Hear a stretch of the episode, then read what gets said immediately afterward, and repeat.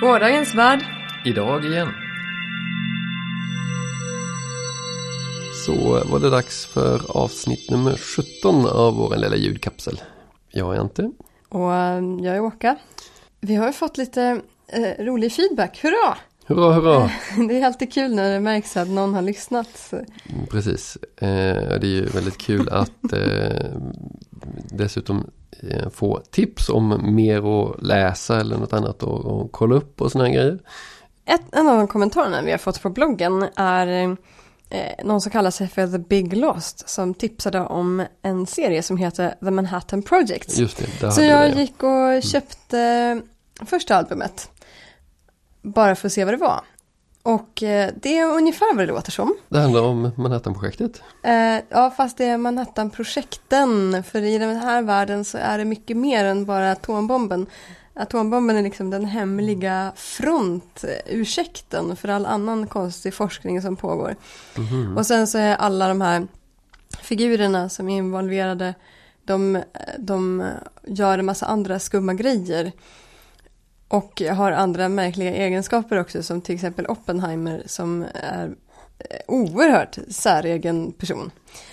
Eh, jag ska inte säga så mycket mer. Du läste den inte va? Jag är inte ledsen. Nej, den är en väldigt, väldigt konstig serie. Mm, mm. Och ehm, jag är inte säker på att, jag, att det är riktigt min, eh, min grej riktigt. För den, det är så mycket eh, konstig, eh, det är så mycket groteska saker som händer. Mm. Och utan Jaha. att man ser att det liksom är på väg någonstans. Mhm, Lite effektsökande. Ja, ja, kanske det. Jag, jag, jag fattar inte riktigt poängen i alla fall.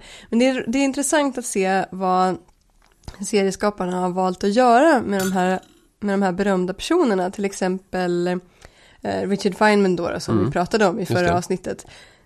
Att han är ju faktiskt en av de personerna som eh, kommer med i den här serien och har en roll. De skruvar ju till alla figurerna eh, tre, fyra extra varv. Mhm, Och han har ju fått bli extremt eh, fåfäng. mhm. Och eh, ja, någon slags... Eh, ja, han- han vet om att han själv eh, är smart men, men, men han verkar inte ha någon speciellt mycket ryggrad. Mm. Vilket, mm, och är ung och sådär. Och, Så du är inte riktigt, du är inte helt såld? nej, jag är inte helt så. Det var väldigt roligt att läsa det första albumet men det känns som att nej, jag kommer nog inte fortsätta köpa den här serien. Men tack för tipset! Mm. Eh, det var kul. Ja, och nu finns det ju här hemma då kanske jag kan ta och titta på den också. Se om jag uppskattar någon. Mm. Den. Sen var det ju det där med Modesty Blaze. Just det, så eh, ja Tommy, hade jag fel? kanske. Eh, när vi skulle prata om Modesty Blaze så kände jag ju att jag behövde läsa på lite eftersom jag var den här i sällskapet som inte hade läst lika mycket. Så jag tog ju och läste lite eh, gamla äventyr från, vad var det, började, började med några 60-talare? Ja, det var jag Du, gjorde. du började med 60-talet och sen Mm. läste du, Och sen valde 70 några och lite olika 80, ja, tidsperioder. precis. Ja. Och jag tyckte ju det, det kändes som att en karaktäristiskt drag för Modesty Blaze var att det var väldigt visuellt sett var det väldigt fokuserat på figurerna. Att det var Mm. väldigt mycket inzoomning på ansiktsuttryck och eh, det finns en, en en person i nästan alla serier ut och det, det är väldigt lite Ja, av det är det en här person i med fokus, det är ett ansikten mycket. My- Ja. Mycket ansikten, det finns en person i alla rutor och så här.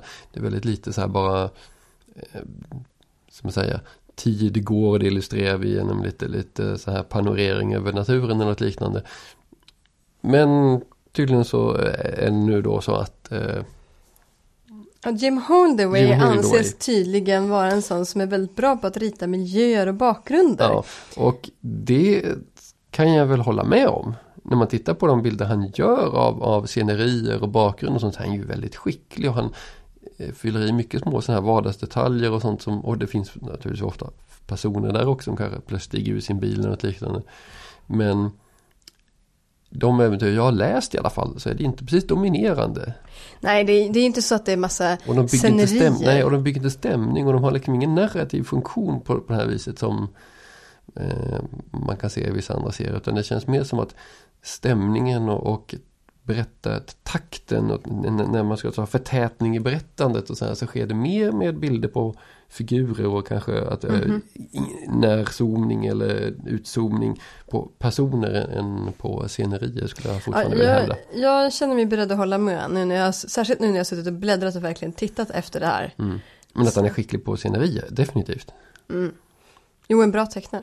Mm. Oh, ja. Så det var det. Fortsätt ge oss kommentarer. Mm. Det är jätteroligt med all sån här input. ja, säg gärna att- att vi har fel. Det är kul att höra. så får vi möjlighet att kommentera. Mm. Och läsa nya seriealbum det är roligt.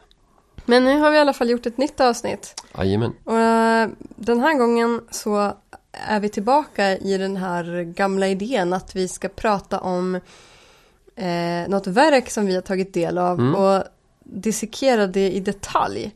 Ja, och eh, nu har vi då läst eller lyssnat i alla fall eh, på en historia som heter The Machine Stops. Ja, och om du inte har läst eller lyssnat på den än så har vi länkat till den på bloggen, Mm.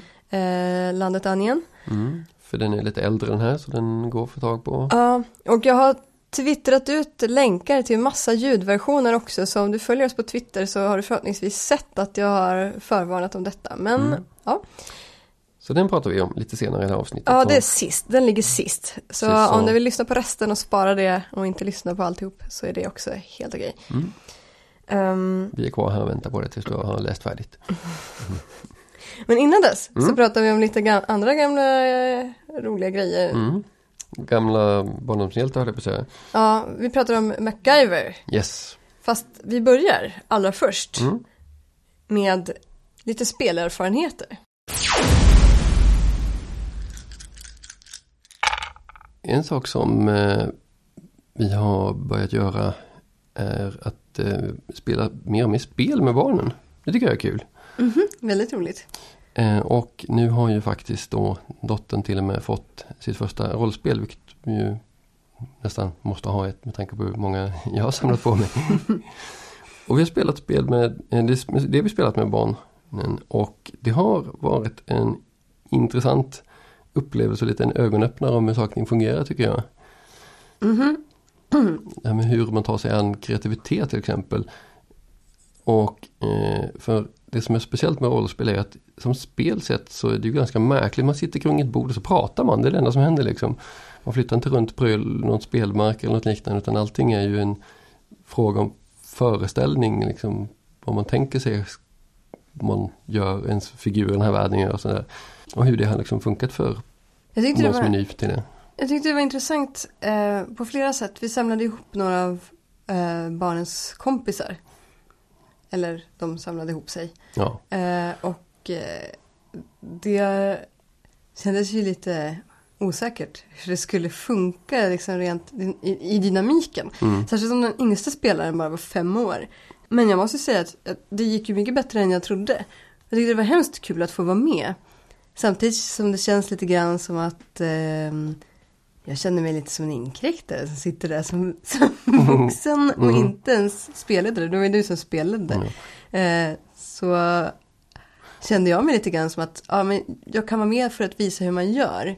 Men jag vill inte dominera spelet. Mm. Ja, för det är ju det, det speciella om man spelar spel med, med barn.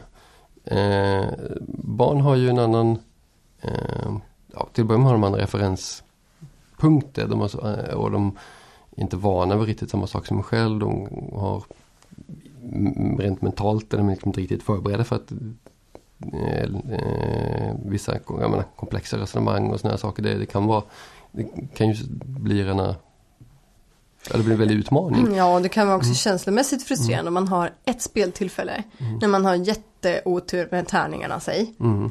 Eh, då blir ju allting helt värdelöst. För Mm. att ett speltillfälle är en så pass mycket större grej om man bara har spelat två gånger. Ja, precis. Man provar det här lustiga nya spelet och så går det åt, fullkomligt åt skogen. Ja, då kanske man inte vill spela med. Man får ha lite fingertoppskänsla där tror jag. Jo. Och där känns det som att eh, det är intressant att jämföra hur vuxna och barn fungerar här. För man har ett spel där man säger du spelar den här figuren i en, en sagovärld. Vad vill du göra? Du Mm. kan göra vad som helst. Mm. Eh, jag vet hur eh, vår kompis Johan har berättat när han första gången sp- spelade rollspel. Han insåg att men man kan göra vad som helst liksom. Det är en helt ny värld och jag, här kan liksom min figur göra precis vad som helst. Jag kan alla tänkbara drömmar, allting jag kan föreställa mig kan hända i den här världen till den här figuren jag spelar. Och hur det var en så total befrielse och en känsla av wow. Sen Medan- kommer medan en eländig spelledare och säger ett stopp nej. ja, Om man har otur. Om man har otur, precis. Men för ett barn eller för någon eh, som är eh, ja, Ja, där, där kanske det, det inte blir en sån här aha-upplevelse eller där man känner att wow, jag kan göra vad som helst utan snarare att "Eh, vad ska jag göra nu liksom? Man är mycket mer van vid att det ska vara gå tre steg framåt, göra den här grejen. Det är väldigt tydligare regler. Man är van vid mycket tydligare regler. Ja, när man spelar andra spel ja. Men Mm. däremot i den vanliga fria leken, där kan ju precis vad som helst hända. Så det gäller ju att leda in på det spåret. Att, Mhm. att man måste släppa lös fantasin. Fast eh, associera, ge lite associationsbanor. För då kan det börja hända saker. Mm. Jag Ja. tyckte det var intressant att den yngsta deltagaren faktiskt fattade galoppen fortare än några av de äldre. Mhm. Som i och för sig kanske då hämmades lite grann av det där med att det är konstigt att spela spel med de vuxna som man inte är riktigt Nej, precis. bästis med. Precis, det är liksom en, en kompis föräldrar kan kännas lite skumt kanske. Ja. Ja. Men annars, annars tycker jag det är intressant för just det här med hur man tar sig an den här friheten. är Någonting som jag läst om på andra håll och kanter. Så det verkar inte bara vara något unikt för oss. utan Det verkar vara något som sker rätt ofta när man spelar rollspel med barn. Att man kan inte bara säga vad vill du göra utan ofta är det så att det ger sig mer Trots att barn har just det här som du säger, den här väldigt fria leken där man kan hitta på väldigt och sp- och spontan kreativitet är någonting fundamentalt. Och mycket det här med man har fantasileker, man har fantasivärlden, man tar, spelar roller och sånt. Ehm, trots det så verkar det som att åtskilliga personers erfarenhet är att när man spelar rollspel med barn så är det ofta vanligt att man får säga, man får presentera alternativ. Mm. Ja, du kommer till det här stället. Vad vill du göra? Vill du prova sånt här till exempel? Eller vill du prova att göra det här? Vill du prova göra si och så? Och, och genom exempel, det verkar som både våran då och andra personers erfarenhet vara lättare att ta sig an än, än Mm. den här totala friheten. Jo men det är ju inte så jättekonstigt. Därför att om du tänker på hur, eh, hur vuxna spelar rollspel. Mm. Så har de jättemycket förutfattade meningar om hur saker brukar gå till, vad som ska hända. Mm. Okej, man har spelat förr, man vet att ja, men saker kan komma uppifrån. Ja. Eller det, det kan finnas luckor i golvet. Så man tittar sig omkring. Va? Mm. Men någon som inte är van vid de konventionerna Mm. har inte tänkt på att det är så man gör. Men först måste man presentera konventionerna. Mm. Eller, eller åtminstone presentera ett sätt att ta sig an den här typen av spel. Mhm. För jag kommer ihåg när jag spelade rollspel första gången så var jag redan vuxen. Mm. Eh, jo, man har ju ändå inte fullständig frihet. Mm. Utan det finns ju ramar för den här friheten. Jo. Till exempel så kan jag inte sätta igång och bestämma vad som finns runt hörnet. Mm. Eller eh, vad min fiende kommer att göra härnäst. Mhm. De sakerna styr inte jag över. Det. Utan eh, jag kan bara styra över vad min rollperson gör. Mm. Blev du presenterad för alternativ så att säga att leda in i det hela när du spelade första Eh, det har jag inga minnen av. Men jag har minnen av att ett par av mina medspelare. Mm. Som också spelade för första gången. Hade svårigheter med detta att eh, veta. att, att avgränsa sig. Att inte liksom spinna loss på att. Ja Ja. nu är jag sådär och då gör han så.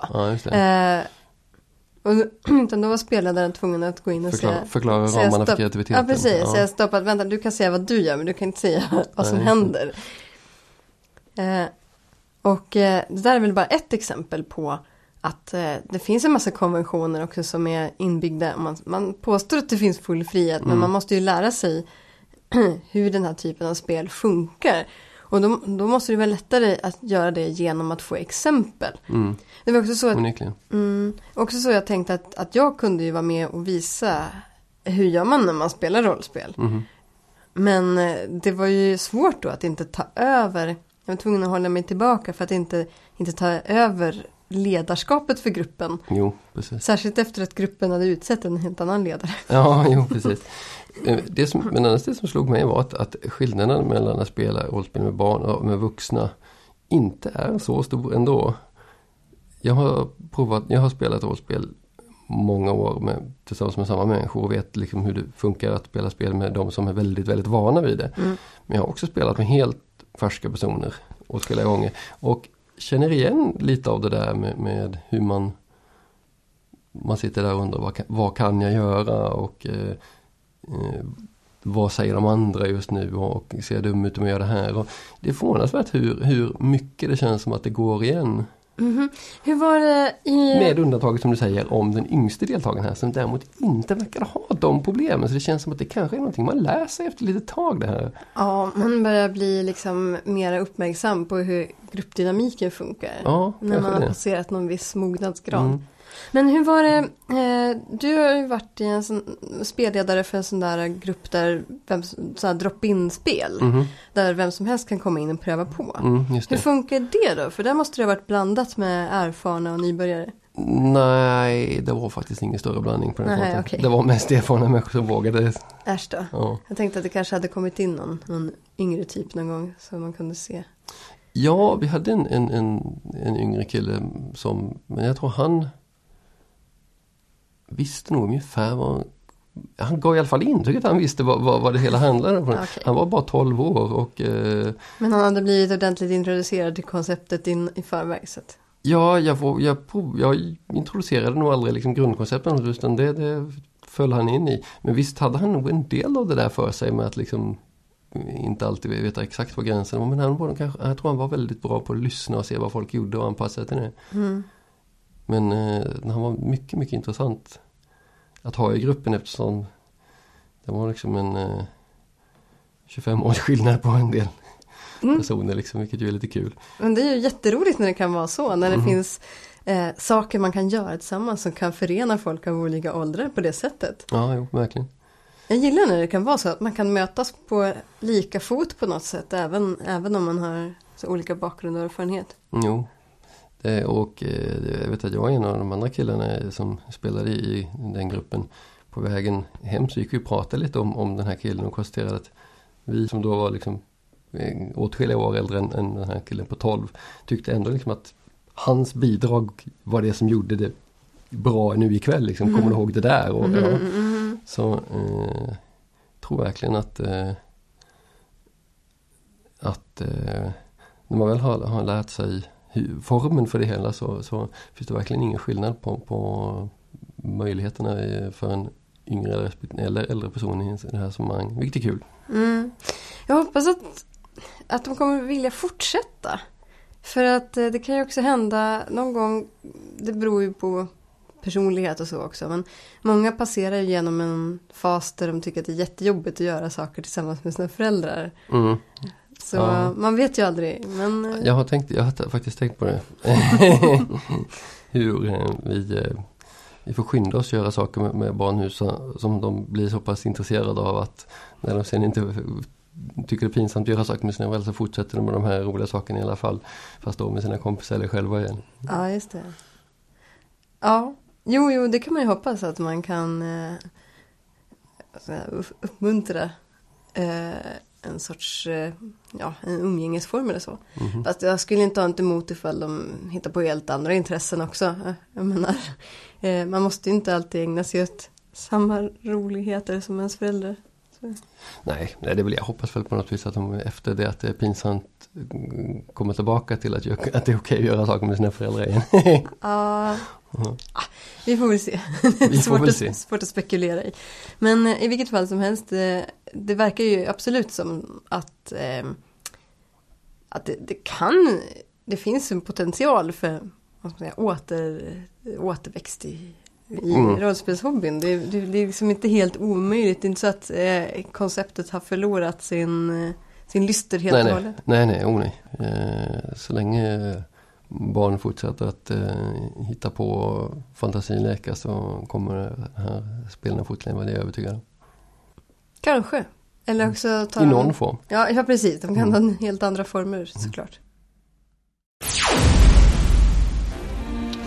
We'll use the acid from the cactus. It's got electrolytes. And we've got two different kinds of wire from the Jeep. So we have power for the radio. And we'll use our watches and the sun to get the direction. is right. När vi bodde i Kanada, Mm. då jobbade jag ju i eh, eh, Snowlab. Mm. I det här Under marken. underjordiska laboratoriet eh, i en gruva i Ontario. Och eh, eh, då när vi var där och installerade detektorutrustning och så, då, då sa min, min chef, min handledare, eh, han sa flera gånger att eh, ja, men vi får väl MacGyvera ihop någonting. Ja, det. Och det var då jag insåg att MacGyver, to MacGyver something, Mm. det är faktiskt ett verb Precis. på engelska. Det är en av de få personerna som gått och blivit ett verb. Ja. Precis, det är roligt.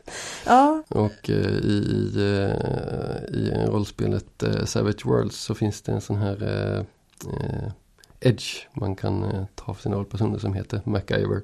Ja just det, den hade jag när vi spelade. Den hade när jag var spelade, jättebra på att MacGyvera ihop. Ihop saker. Ja, Mm. någonting som gör att, gjorde att vi kunde eh, klättra över en myr och spränga någonting. Jag kommer inte riktigt ihåg vad vi gjorde faktiskt. Nej, och mm, detta visar också hur vansinnigt svårt det är att på stört titta på hur man med en snöstump och lite en tuggummi kan bygga vad det nu är för någonting. Det är mycket svårt att hitta på det där vad det verkar när man tittar på tv-serien. Ja, fast alltså jag måste ju säga att när jag, innan vi nu började se om den första säsongen av MacGyver, Mhm. ehm, så kom jag ihåg exakt två scener från MacGyver från när jag såg det som barn. Och det var, den första scenen är faktiskt från det första avsnittet.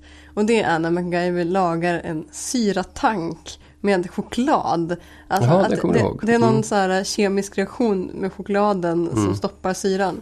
Mm. Jag kommer ihåg att jag undrade om det där verkligen funkade i verkligheten. Och det har jag fortfarande inte lyckats ta reda på. Alltså jag måste prata med någon. Jag frågade faktiskt en kompis som är kemist. Mhm. Eh, som sa uh, mm, och jag återkommer. och sen har jag faktiskt inte fått något svar på det. Propsa- på lite återkomst där. Ja, Ja. men, eh, och det andra scenen jag kommer ihåg. eh, Det är i någon senare säsong. Där en högspänningsledning går av. Och MacGyver håller i ena änden av den här kabeln. Och det sprutar gnistor ur det. Mm, Strömslangen. Ja men eller hur? Som, som att det hade varit en vattenslang som sprutar elektricitet. Och jag blev bara arg för att redan eh, en 13-åring förstår att det här är bara dumheter. Eller hur gammal jag nu kan ha varit. Så att eh, det var ungefär då jag bestämde mig för att eh, det här kan inte funka i verkligheten och MacGyver är fånigt. Innan dess tror jag att jag gillade MacGyver typ. Ja, eh, så vi har ju börjat titta på MacGyver nu igen. Eh, eftersom den kom i familjens ägo. Och eh, det är ju lite fascinerande här MacGyver. Det är mannen som har blivit ett verb, mannen som har blivit en rollspelskomponent. Ja, det har verkligen blivit en ganska legendarisk eh, tv-serie. Den här, alla känner till den. Vad är det som gör att man, man minns den egentligen? Är det de där eh, sprutande elslangen eller är det, eh, eller är det figurerna? Är det hans lyckade byggen? Vad är det som går hem egentligen? För jag tror vi faktiskt tycker nog det allihop efter att ha sett nu första säsongen att det här var ju rätt kul. Ja, även, även om en del, en del avsnitt är faktiskt riktigt, riktigt dåliga. Faktiskt, tycker Ja. jag nu också. Men, men en del är ganska bra. Och det hänger inte bara på hur realistiska de är, har jag också kommit fram till. Nej. De kan vara ganska orealistiska. Mhm. Utan det som det hänger på är att det ska vara eh, ett bra förhållande mellan utmaningarna och de smarta lösningarna. Det ska kännas som att MacGyver är riktigt smart. Mhm. Och sen ska personerna han möter vara roliga personer och det ska kännas som att eh, det händer någonting intressant i mötet mellan MacGyver och den personen. Jo. För, för att säga vad man vill om, om jag menar, ett, ett MacGyver-äventyr ska ju ha en eh, någon form av, av, av eh, det behöver inte vara liksom internationella eh, politiska konflikter på hög nivå men det ska vara någon form av spännings spänningselement, någon, någon, någonting Sådär. Och så ska det eh, byggas eller eh, meckas ihop någonting som är lite lagom osannolikt och som räddar ut MacGyver och någon mer ur nöden. Mm. Och sen ska det vara någonting mer man får veta om MacGyver eller något intressant samspel med den här extra figuren. Mm. Och det ser vi definitivt att det i de bättre avsnitten är det just alla de tre som faller på plats känns det som. Mm, verkligen. Och i de riktigt, riktigt usla avsnitten så är det ehm, osannolika saker som händer. Och eh, den personen man stöter på är bara, ehm, vad ska man säga, eh, någon som blir kär i MacGyver. Mm.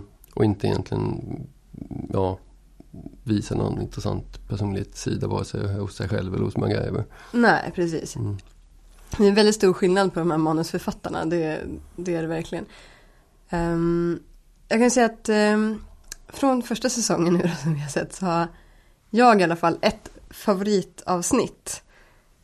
Och ett ofavoritavsnitt. Har du också det?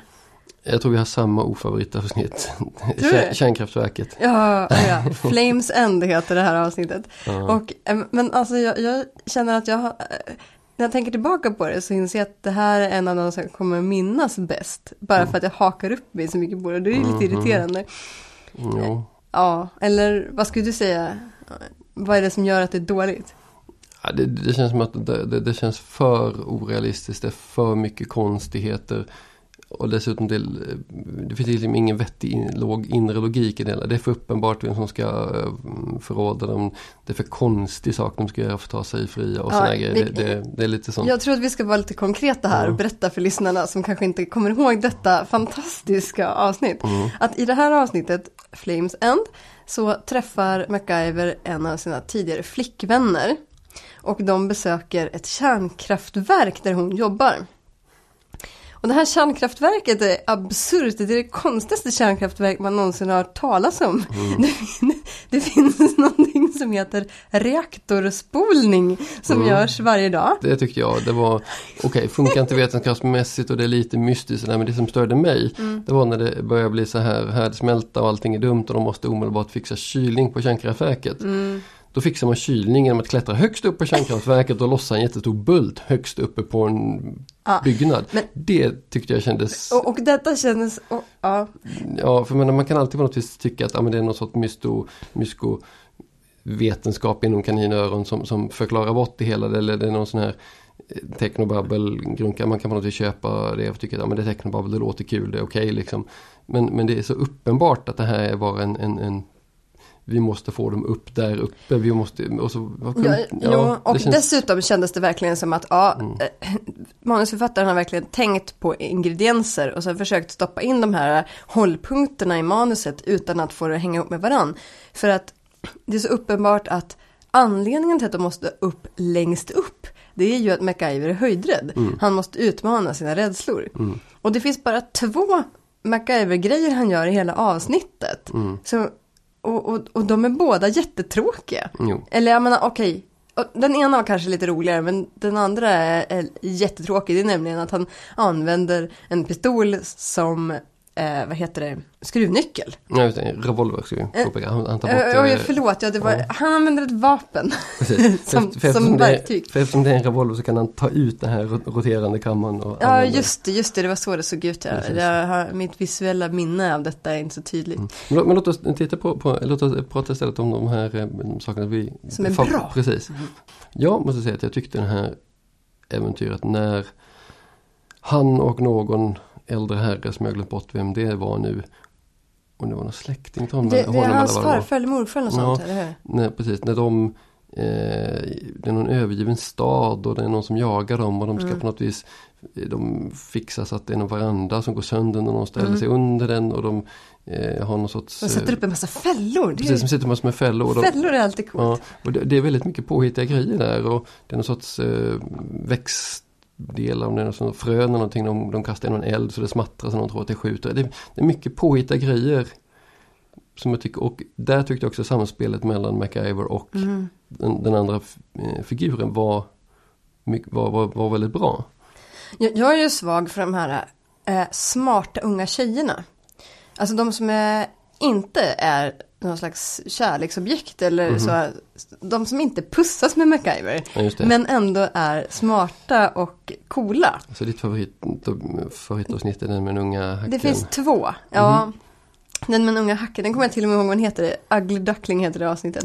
Det. Eh, Och det är också jätteosannolika saker som händer. Men det är strunt samma för man fattar liksom poängen Mm. med, med det. Och hon är en tillräckligt intressant person för att jag ska strunta i att eh, det de gör är fullständigt knasigt. Mhm. Jag menar vadå, en byggnad där allt, på 80-talet, på 80-talet, en byggnad där alla datasystem eller alla system, allt elektricitet, hela byggnaden är kopplat till samma datorsystem. Mm. Så att man kan i en slumpmässig, ett slumpmässigt kontor gå till en terminal och styra allting. Det är bara, Ja, men det, det, det, men det är så typiskt 80-tal så det, tycker, det tyckte jag bara Ja men det, kändes, det är roligt, det det är kändes rätt något vis. Det är charmigt och det får henne Mm. att få en chans att visa att hon är smart. Liksom. Ja, precis. Och, då, och sen hade du till. Eh, ja, jo, det är eh, en eh, bortsprungen tjej, det här avsnittet minns jag inte vad det heter. Mm. Tjej som är, är rymling. eh, har rymt hemifrån och bor ensam i ett hus. Och har riggat upp massor av eh, såna här speciallösningar där själv redan innan hon träffar MacGyver. Just det. Och det är det här avsnittet där han har fått någon, fått någon, någon eh, Han blir drogad. Han blir drogad av någon skurk och håller Ja, det, det är ryssar, det, det är Precis, Sovjetagenter. Precis, och han tappar minnet och kan inte göra någonting, kan inte klara sig själv. Så det är ju mycket, mångt och mycket det hon gör. Ja, som- eller jo, precis. Så det, var, det tycker jag också. Um, överhuvudtaget hela den här um, kalla krigskonfliktgrejen känns som att det ger mycket av stämningen ändå till mycket av, många av avsnitten. Ja, det är ju, det är ju någonting jag inser nu när jag tittar på det, att det, är, att det är väldigt färgat av kalla kriget. Någonting som jag inte minns egentligen i mitt minne av MacGyver, utan det är snarast just Nej, för då var det ju så som världen var då. Ja, det var väl antagligen det. Men ehm, eh, det, är, det är väldigt kul tycker jag att återigen titta på de här sakerna. Kanske just på grund av att alla som Det känns som att alla som, som växte upp när vi gjorde det tittade på MacGyver. Alla känner igen vad MacGyver är och det har blivit en sån, sån ja, ik- ikonisk figur verkligen. Att eh, det var kul att återvända till det. Och Innan ja, det, det, det har åldrats med värdighet skulle jag säga. du tycker det? Mm. Ja, en, del, en del saker är ganska töntiga, men, men, Men som helhet skulle jag säga att MacGyver-serien har, har klarat åldern hyggligt. det faktiskt. går fortfarande att se. åtminstone definitivt. det. Eh, har du någon favorit MacGyver-ögonblick? Eh, nej, jag kommer inte ihåg några från när jag såg den när jag var yngre och ärligt talat så kommer jag inte ihåg detaljer på det viset ens nu från viss... Jag tror inte jag riktigt... Det är på något vis helheten som, som går hem hos mig. Mhm. Ja, jag, jag, jag är lite mer inriktad på detaljer. Jag skulle nog ofta önska att de här lösningarna som görs, att de är lite mer realistiska. Att, att han faktiskt gör saker som skulle kunna funka i verkligheten lite mer oftare. Det är mitt enda önskemål. Mm. Annars tycker jag också att det är väldigt kul.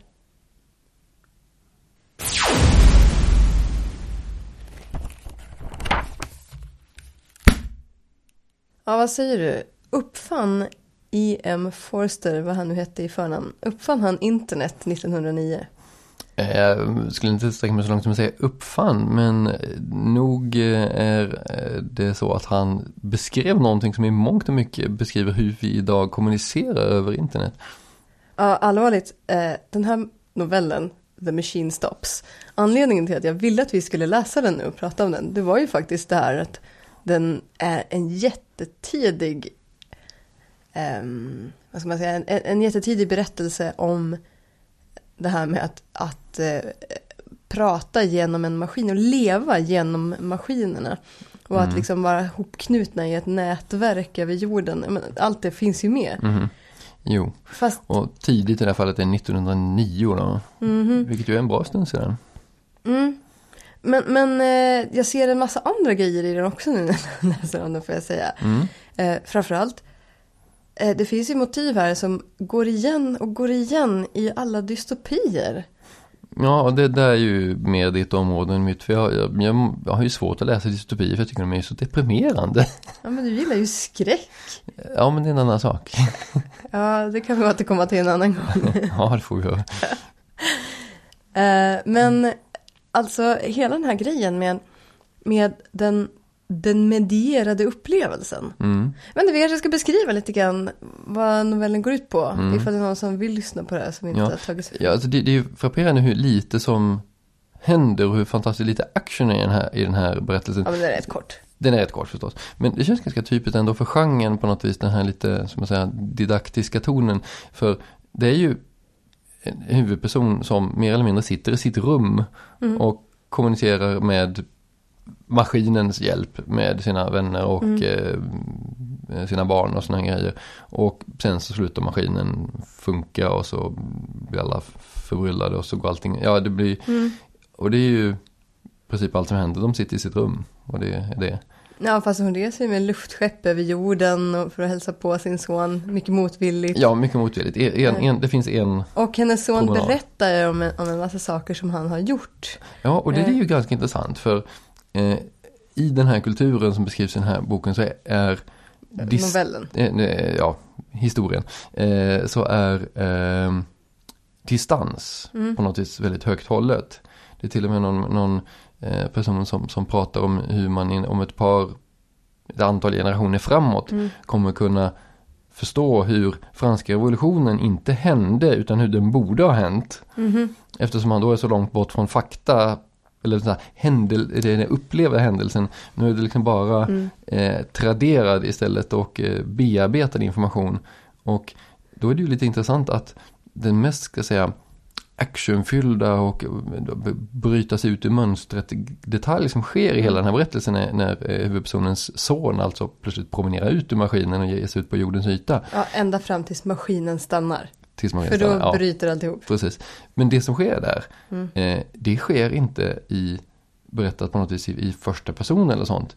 Utan han återberättar. Mhm. Vilket gör att när han så att säga, bryter mot mönstret och faktiskt gör någonting och så, här, så är det fortfarande i andra hand. Som, Ja. ja. Det är fortfarande en, en, en medierad upplevelse, inte något som personen, huvudpersonen själv nej, faktiskt är med om. precis. Hon skyr ju all, alla förstahandsupplevelser Mhm. eh, som, som pesten. Ja, precis. Eh, Sin- Sinnenas eh, sinnesupplevelse är, är, Mm. är ju, det är ju på något vis obscent. Men eh, det, det här jag tycker är jätteintressant därför att den här berättelsen uttrycker på något sätt en skräck som har kommit tillbaka och kommit tillbaka och kommit tillbaka.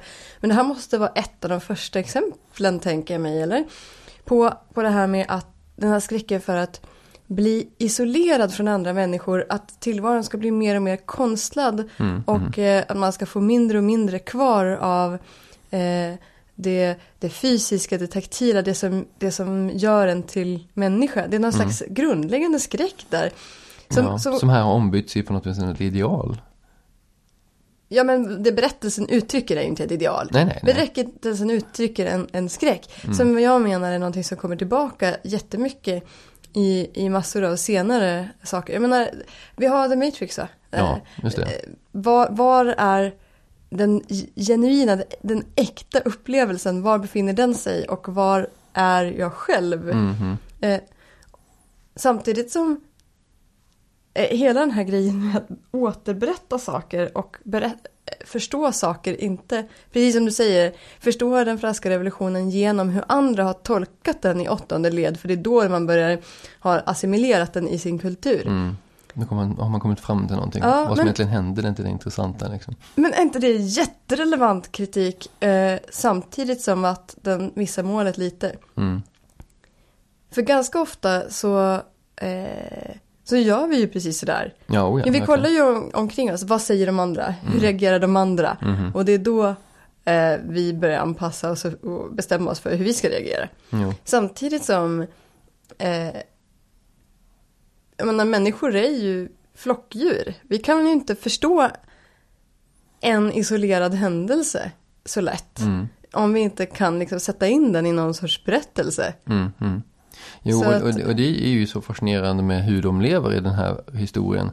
De lever i sina små enskilda isolerade rum. Ja. Och, Och- i alla rum så har man kommunikation genom en skärm Mm. som visar allting ganska bra. Så man kan prata med sina vänner och se dem ungefär som de ser ut. Mm. Och höra deras röster ganska bra fast det framgår att det är lite grann sådär äh, inte perfekt överföring. Mm. Jo, för det ska ju inte vara omedelbar upplevelse för det är ju inte riktigt riktigt. Men de sitter där i varsitt litet rum och, och eh, att ta i en annan människa det, det är ytterligt suspekt liksom. Mm. Eh, de tillfällen folk, när hon reser på det här luftskeppet och någon råkar ta i henne, då är det liksom, vad gör du? Mm. Men trots det så är det ändå, som du säger, mä- människans flockdjursbeteende som är oerhört centralt för att ha kontakt med varandra hela tiden Mhm. och ha folk omkring sig. Det är väldigt viktigt här. Och att Mm. ha maskinen som hjälper en att hålla kontakt med flocken. Mm. Det är det som gör att det här är den civiliserade världen. Och det, det, det är den här intressanta eh, slitningen, den här dikotomin här mellan eh, att vara isolerad och absolut inte ta i någon, men att vara i Mhm. kontakt med folk. Det, Alltså det här är verkligen någonting som jag har tänkt på ibland. Jag balanserar ju på gränsen till Twitterberoende och Mm, eh, ja, känner jo. ibland att jag eh, Eh, det. Ja. eh, ä- ersätter, eller jag glömmer bort att jag glömmer bort att ta kontakt med människor för när jag känner mig ensam så kollar jag på Twitter istället. Mm, Eh, för att bara kolla att människorna finns där och att jag kan reagera på någonting som händer så får jag den snabba fixen. du är fast i maskinen. Men Det är lite lättare än att faktiskt ta och ringa till någon eller faktiskt träffa någon för det är lite knöligare att göra det. Mhm. Så jag, jag känner ju att eh, på, på sätt och vis är det ju är det någon som är lite träffande nu. Mm. Jo, och eh, jag menar rent litterärt sett så har ju den här berättelsen den känns lite ålderstigen på sitt vis. Men hur den lyckas beskriva den här oerhört mänskliga upplevelsen av tekniken Mm. 1909 på ett sätt som känns oerhört relevant för vår Ja. dag är ju faktiskt slående. Alltså den är, den är ju jätte, den är ju jättebra. Det här borde ju alla läsa någon gång tycker jag. Eh, om inte annat som eh, för att få lite historiskt perspektiv. Och eh, vad som händer i det stora haveriet sen, hur det beskrivs, det tycker jag säger någonting också relevant om faran i att överlämna för mycket kontroll till maskinerna. Mm. Eh, Som nästan knyter an, alltså den här maskinen är inte intelligent i sig själv. Men den är nära på det. Mhm. Därför att eh, eh, människors behov och sådär tolkas genom maskinen. Ja. Men, och styrs genom den här kommittén. Eh, men det är nästan som att, att eh, ja, det kan jämföras med det här med att lämna över kontrollen till maskineriet i alla fall. Mm. Det, det eh, känns igen från diskussionerna om, dels eh, da, diskussionerna om datorer på 80-talet Mm. och dels diskussionerna om AI nu. Mm. Eh, överhuvudtaget Ja, och- och, risken att eh, förlora kontrollen, att inte kunna klara av att ingen kan ha överblick. Mm. För att det här är ju också relevant liksom, teknikkritik, civilisationskritik kanske. Mm. Att det är ju jättesvårt för vi har ett så jättekomplext samhälle. Mm. Och, och man kan bli, man kan känna sig väldigt främmande för när allting hänger på teknik som ingen människa kan förstå. Ja, för, jag, jag skulle till och med, jag skulle vilja säga att det, det även om, om det är väldigt slående att det är tekniken på något vis som har fångat de här människorna. Så eh, det är ju ändå så att det är den här centralkommittén som på något vis som, som förväntas ansvara för allting. Det är de man ska klaga till och, och sådär. Så Men de har inte kontrollen för de kan inte själva maskineriet heller. Nej, för att jag vet inte, de, de, de, Nej, det, gör- det de- framgår ju aldrig riktigt vad de är för någonting. Men vad jag, vad jag känner här är att eh, Men det för- framgår att de inte vet hur man ska reparera den i alla fall. Ja, förstår ja, ja. Nej, nej, det gör de ju inte. Precis. Men eh, det jag känner här är att, att det här är ju även en, en beskrivning, inte bara av att, eh, att säga, ge bort lite av sin självkontroll till tekniken, utan även till större strukturer i stort. Liksom. Det är som en, en, en, Mm. Ja, en, en polit, en, en politisk grej om, om, om Mm. individ mot kollektivet och att överlåta Mm. allting åt, åt en, en eh, abstrakt maskineri, en byråkrati eller en stat. Att, att låta staten ta hand om allting och förse dig med allting och, ingen, och inte ta ansvar personligen. Det finns ju definitivt den typen av, av Mm. kritik i det här också som jag tycker också är levererad på ett väldigt elegant vis. Liksom. Mm, och som också återkommer i väldigt mycket 1900-tals dystopier. Mm. Oh ja, Och precis. faktiskt nu, nutida också. Mm. Men eh, en sak som jag också tyckte var intressant var Och det är ju kombinationen med sta- staten som kontrollerar dig med tekniken. Där, nu är vi 2015 verkligen liksom. Eh, Ja, verkligen övervakningssamhället. Mm. Precis. Det är inte riktigt de här panoptikon... Eh, eh, den panoptikon-tematiken är inte riktigt utvecklad i den här berättelsen. Nej. Det hade kunnat vara det för att möjligheten finns där. Mm. Men eh, man förstår att man kan trycka på en knapp och stänga av så, så, så kan man prata privat utan Jo. att någon kan lyssna. Så det är kanske det som gör att jag tycker att den här historien funkar för mig. För det blir inte den här måla på näsan, dystopin och den här, nu, nu visar vi hur, hur allting är kontrollerat. Utan det är den här Ja. beskrivningen av en värld som på sätt och vis är ganska tilltalande på något vis. Du sitter i ditt rum, Det är bekvämt. det är bekvämt och Ja. har tillgång till allt du behöver. Trycker på en knapp så får du tillgång till media av olika slag. Du får kontakta folk som är experter Mm. på olika ämnen omedelbart. Det finns väldigt mycket positivt i det hela. Det är liksom Eh, en totalitär bekvämlighet. Det, ja, precis. Mycket bra, mycket bra terminologi faktiskt. Eh, och där känner jag att den funkar som dystopi. Till skillnad från så många andra dystopier där det känns så tungt och det känns som, ja, ja, jag förstår att det är jobbigt men ja, kan, kan jag läsa något roligt nu? Vilket gör att man nästan då plötsligt bevisar för sig själv genom att man lägger den här viktiga så att säga, dystopin åt sidan och hellre läser en underhållningslitteratur. Den här däremot är liksom underhållning och Mm. visar därmed så mycket kraftfullare om kollektivet, maskinen, teknikens Men det eh, finns, in, diktatur. det liksom. finns inte heller någon, någon medveten illvilja eller ondska Nej. eller, eller Nej. vilja att förtrycka i den. Precis, det finns Utan inte staten som förtrycker Nej. det, det, finns, det är bara det, det, enda- välvilja. det, det, dum, dumheten också, att Ja. man tappar liksom, eftersom människorna sitter och sysslar med sina idéer. Mm. För det är det de gör hela tiden. Det är idéerna som är, som är valutan i samhället. Mm. Eh, Vilket är ganska lustigt. Eh, För det, de, det, vad, är, vad är det man kan få eh, ta till sig som huvudpersonen Mm. eh, gör? Hon lyssnar på musik, eh, hon läser Mm. Hon och föreläser. hon föreläser. Och det är liksom föreläser liksom. Man tänker, eh, där, där har vi en liten, liten in- intressant diskrepans då om man ska korrelera det här till, Mm. till vår, akt, eh, vår aktivitet på sociala nätverk och liknande. Mm. Vi har inte den här fixeringen, finns det en ny idé? Eller jag lyssnade på en föreläsning. Eller jag för, Ja, ja. Där, och där, uttrycker det på andra sätt. Istället för att föreläsa så skriver man en blogg, ett blogginlägg. mm, Ehm, om Ja. någon grej som man har tänkt på. mm, Ja. ja, det, det kanske är en bra parallell. Men vad tror du om det där med idéerna då? Den här grejen, den fixeringen att ah, finns det en ny? Det är ju som när hon kommer och besöker sin son här Mm. som varit ute på, på säger att han har gjort något förfärligt och hemskt och, och han har börjat få Mm. konstiga idéer. Idéer, där kom det ordet. Men då säger hon just det finns ingen idé i det här. Det finns ingen ny idé. Ny, Nej. ja. Hon stänger också fönstret. Hon Mm. vill inte titta ut genom fönstret när hon flyger luftskett. För det finns inga idéer i Nej, precis. Det Hon finns får inga idéer. idéer. Det finns inga idéer att, av att titta ut Himalaya. Det är man- liksom...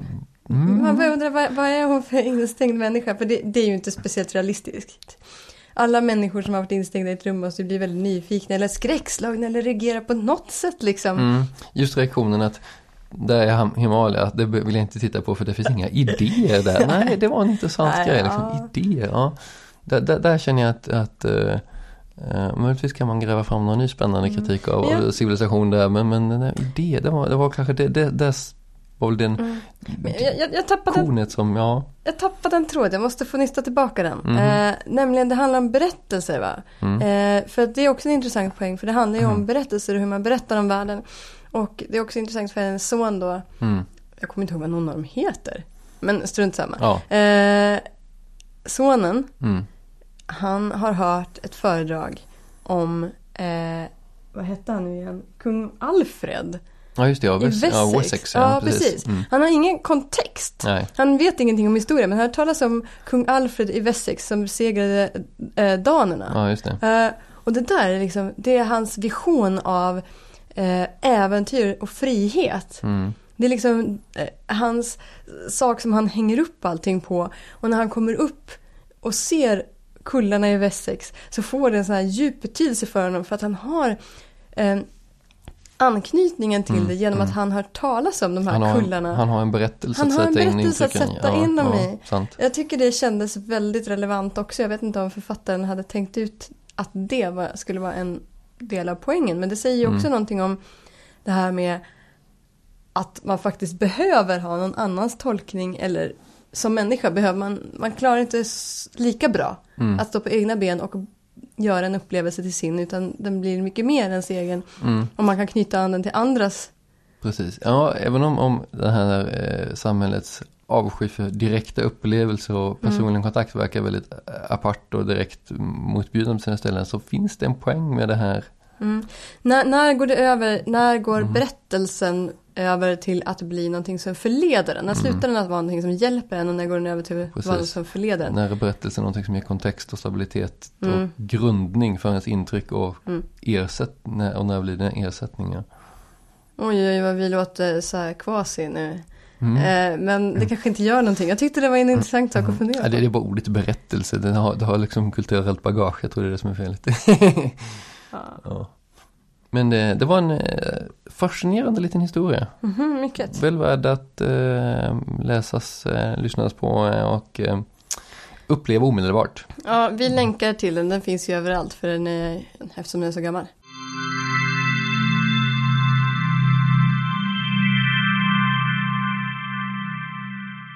Du får jättegärna kommentera på det här avsnittet. Och det kan du göra på bloggen Landet Annian. Annien.wordpress.com eh, På Twitter finns vi, där heter vi snabela idag igen. Det här avsnittet släpps som vanligt under Creative Commons-licensen Erkännande icke-kommersiell. Amy. I took physics because it was interesting and it excited me, not to buy myself a job. Amy, come on, there's a world out there. Let's go look at it.